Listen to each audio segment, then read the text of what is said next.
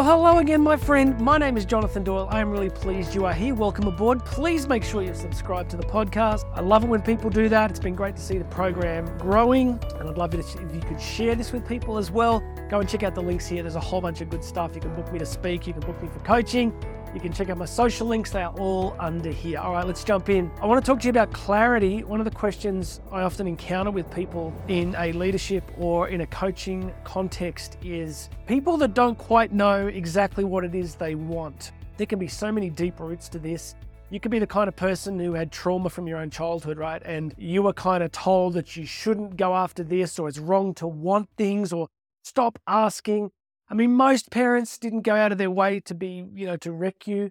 They just kind of were busy living their life, parenting as best they could. You know, always in life, you got to remember that it isn't so much what happens to us, it's always the meaning that we extract from what happens to us often people can go through a traumatic event, or you can have several people, for example, going through a traumatic event. One person will never recover. They will develop many, many problems, anxieties, phobias, perhaps, because of the traumatic event. And you'll have another person who switches a gear and just sees themselves as a survivor. I mean, the ultimate example, of course, is Viktor Frankl in his book Man's Search for Meaning. So people do experience terrible things and are able to build, deliberately build a kind of cognitive architecture that allows them to move forward. So, one of the first reasons we struggle with clarity is because we may have evolved to believe that desire is essentially problematic, that it's wrong to want. Uh, you'll often find this uh, in people who've grown up in a strong spiritual tradition. I struggled with this for many years. Uh, that you know, to be spiritual is to love poverty. I mean, poverty essentially, from a spiritual perspective, is something that God calls specific people to embrace. You know, He doesn't deliberately go out there and say, hey, everybody get as poor as you possibly can, right? For example, you know, the more that you generate in terms of revenue, the more generous you can tend to be, right? So sometimes we get our spiritual wires crossed. We think that it's wrong to,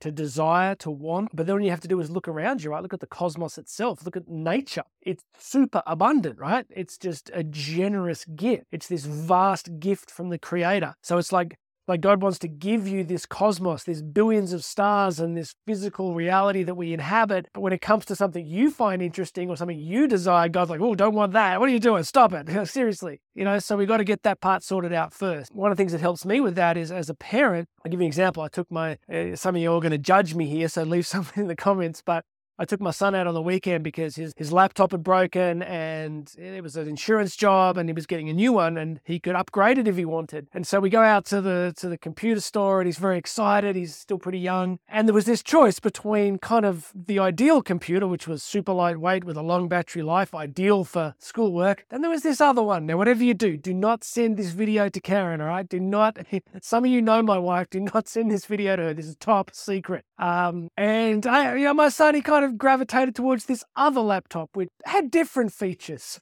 Let's just say features more in keeping with you know, you know, being a young guy and just and, and just cool stuff and flashing screens and keyboards that lit up. And I could see this trepidation in his face. He was like, "Oh, Dad, uh, I really like this one," and he was waiting for the whole what, what.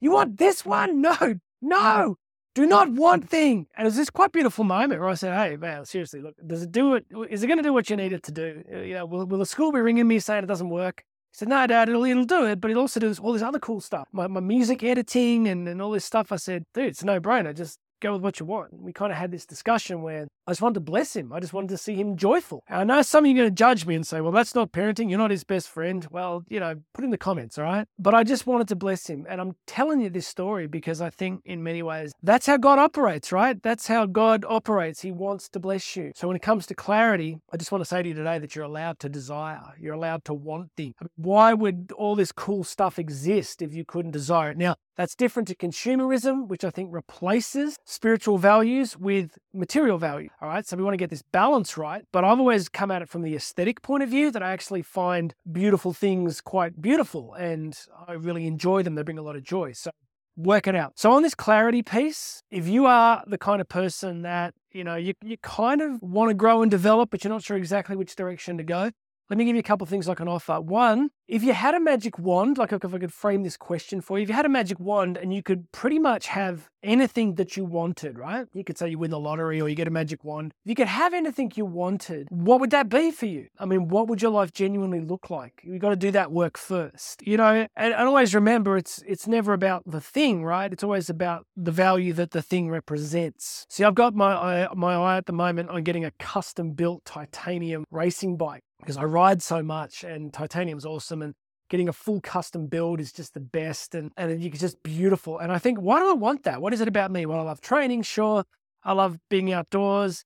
But I love beautiful, high value things that last for a lifetime. And I think that a bike for me represents freedom. It represents freedom and solitude. These are values that I really like. I actually like solitude, long rides. So I'm saying to you on the clarity piece that also remember that within whatever it is you desire, there is another value there. There's a higher value. So when you're trying to get clarity, first ask yourself what it is that you want and then get in touch with what you desire and what that represents, whether it's freedom, whether it's love, whether it's connection, whether it's joy. Because at the end of the day, it's it's never really the thing. People are like, well, I want to be, I want, I want to be, I want a hundred million dollars. I go, well, when you get that, what do you get? Well, I'll buy all this stuff and it'll be awesome, and I'll have this house and these cars. I, and then what will you get? Well, I'll spend all this time with my friends and my family, and I won't be stressed. And what will that give you? And they're like, well, I'll be peaceful and happy, and and I'd, and I'd relax, and I'd be more joyful and more present. And you see that it's not the money that they're after; it's the values and the personality traits that the money could theoretically unleash. So try that. Try that piece about if you had a magic wand, if you had a $100 million,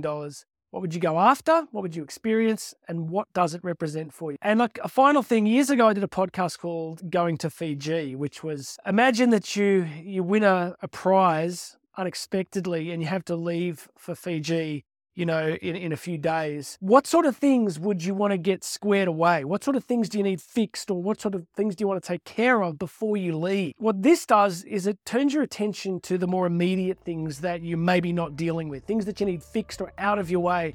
That if you did them first would give you some freedom and some peace, right? And I guess what that metaphor is doing is saying, you know, if time was short, if you had to pick some significant things that really need to get done, what would they be? All right, that's my thoughts on clarity for today.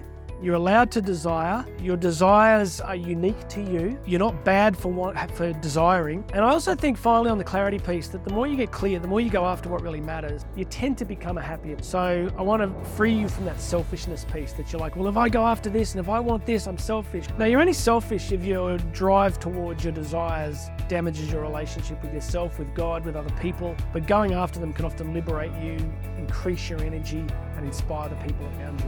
All right, there's a lot in that today. Hope some of it's useful. Hit the subscribe button, go and check out all the other links, book me to speak, it's all there. My name's Jonathan Doyle. You and I are going to talk again very soon.